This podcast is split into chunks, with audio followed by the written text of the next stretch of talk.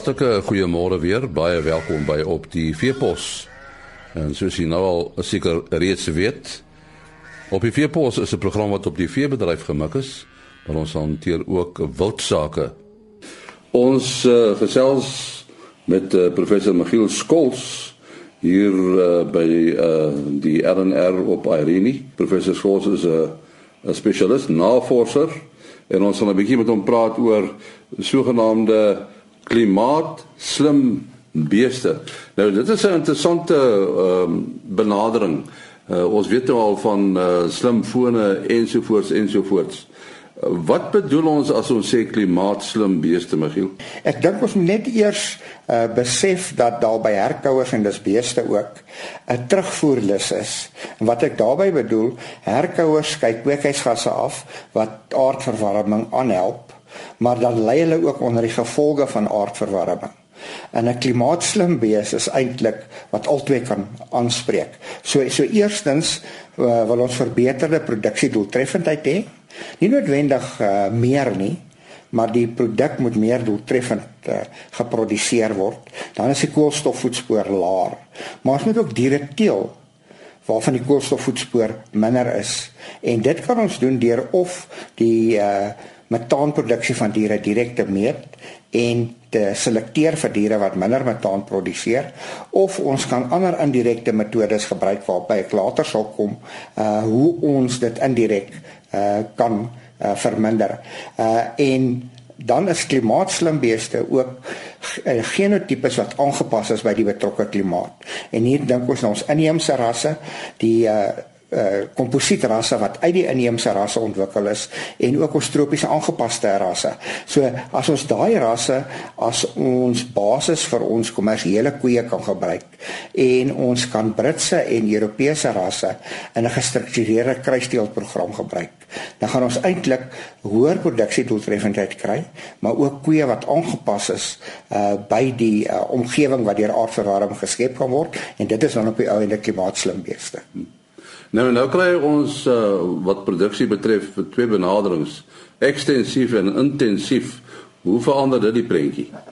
Ja, gelukkig uh, in Suid-Afrika is die uh, meerderheid van die koeikalfstelsel ekstensief. Uh en dis maar net die voerkraal deel uh wat 'n klein bydrae lewer. As ons kyk na die totale voerbehoeftes, dan gaan tussen 75 en 80% van alle voerbehoeftes word deur die koei-kalfproduksiesisteem opgeneem. So as ons daai deel doeltreffender kan maak, uh, dan kan ons 'n groot besparing doen uh op uh, die koolstof uh voetspoor. En dan moet ons ook onthou die mis wat ekstensief geproduseer word ondergaan aerobiese vertering wat beteken daar word water en koolstofdioksied geproduseer en nie metaan nie. En die water kan ons dink is 'n 'n goeie ding uh en die koolstofdioksied word deur die, die hergroei van die gras opgeneem. So as ons na die totale prentjie kyk, dan is so 'n stelsel amper uh koolstofneutraal. Terwyl in intensiewe stelsels van die noordelike halfrond waar die koeie en die kalvers intensief gevoer word, word die mis op hope gegooi.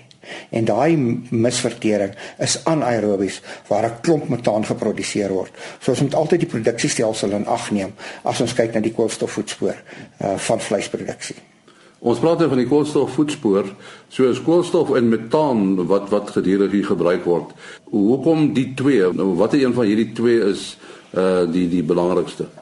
Ja, as ons kyk na die uh kweekhuisgasse in totaal dan uh, maak koolstofdioksied uh, 72% van die totaalheid, metaan 18% en dan uh, nitrietoksied uh so 9%. So die koolstofdioksied is by verre die grootste komponent van die kweekhuisgasse.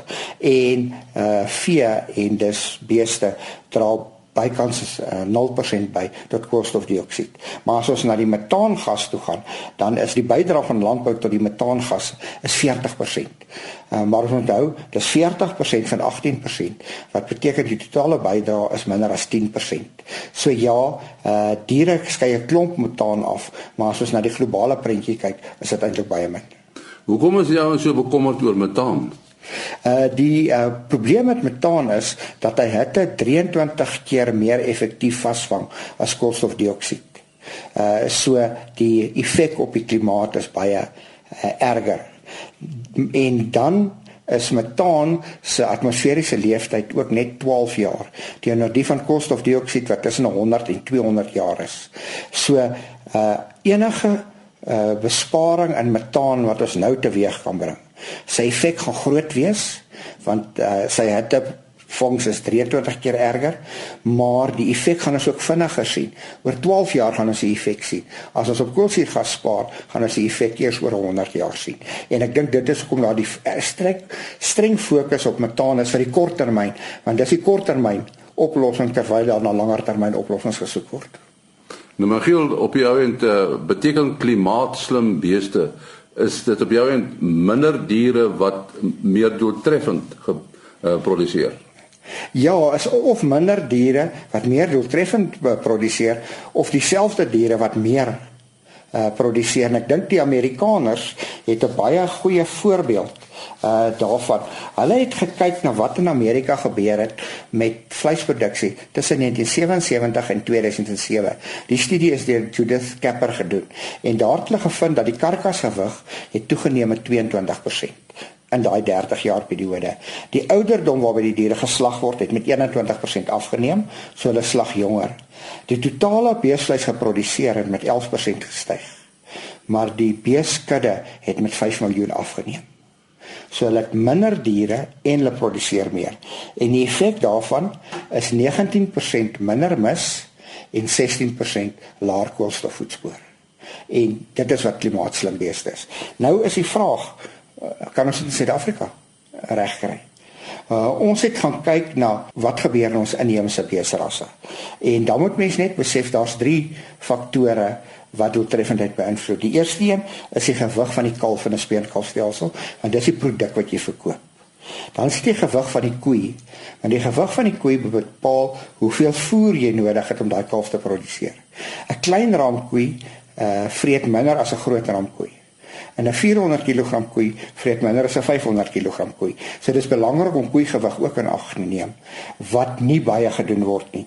En dan die laaste een is die kalfpersentasie. Dit sê vir jou hoe gereeld die produk geproduseer word. En ons het daai drie komponente in 'n model ingebou om te kyk wat het gebeur met die produksiedoeltreffendheid van ons vier inheemse rasse.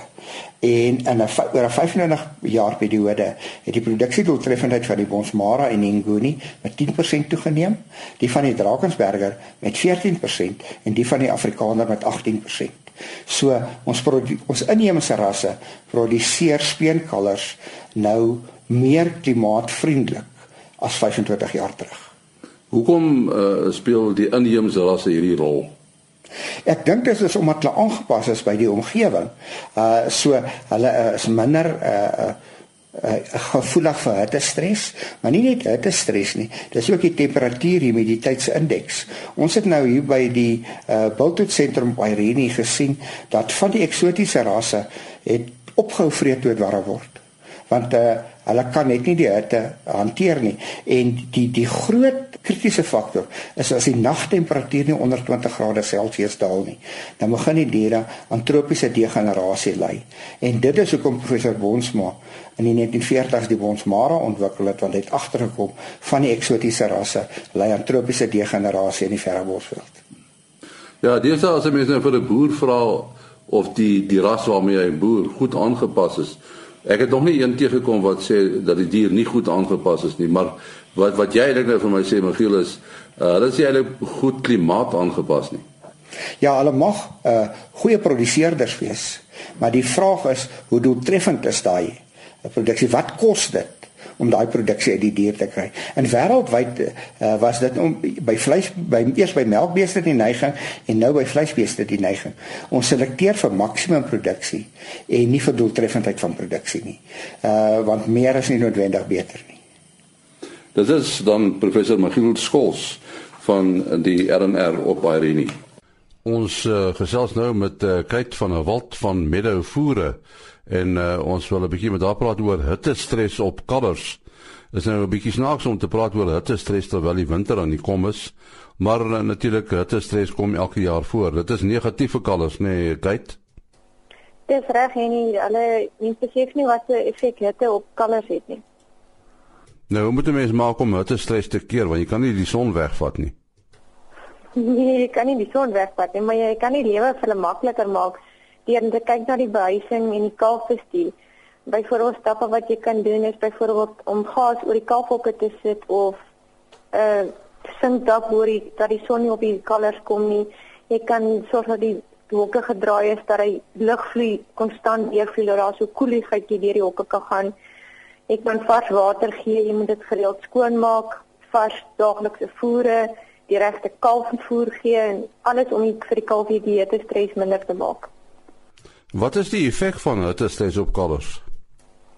Die effek van hitte stres op kalvers kan groot effek hê as die kalf in nog in die baarmoeder is en die koe is geblootgestel aan uh, hitte stres, dan kan sy die kalf vroeër gebore word en die kalf het swakker weerstand as gevolg van die kolostrum. So dit kan wees dat die kalf nie ten volle kan groei tot na eerste laktasie nie.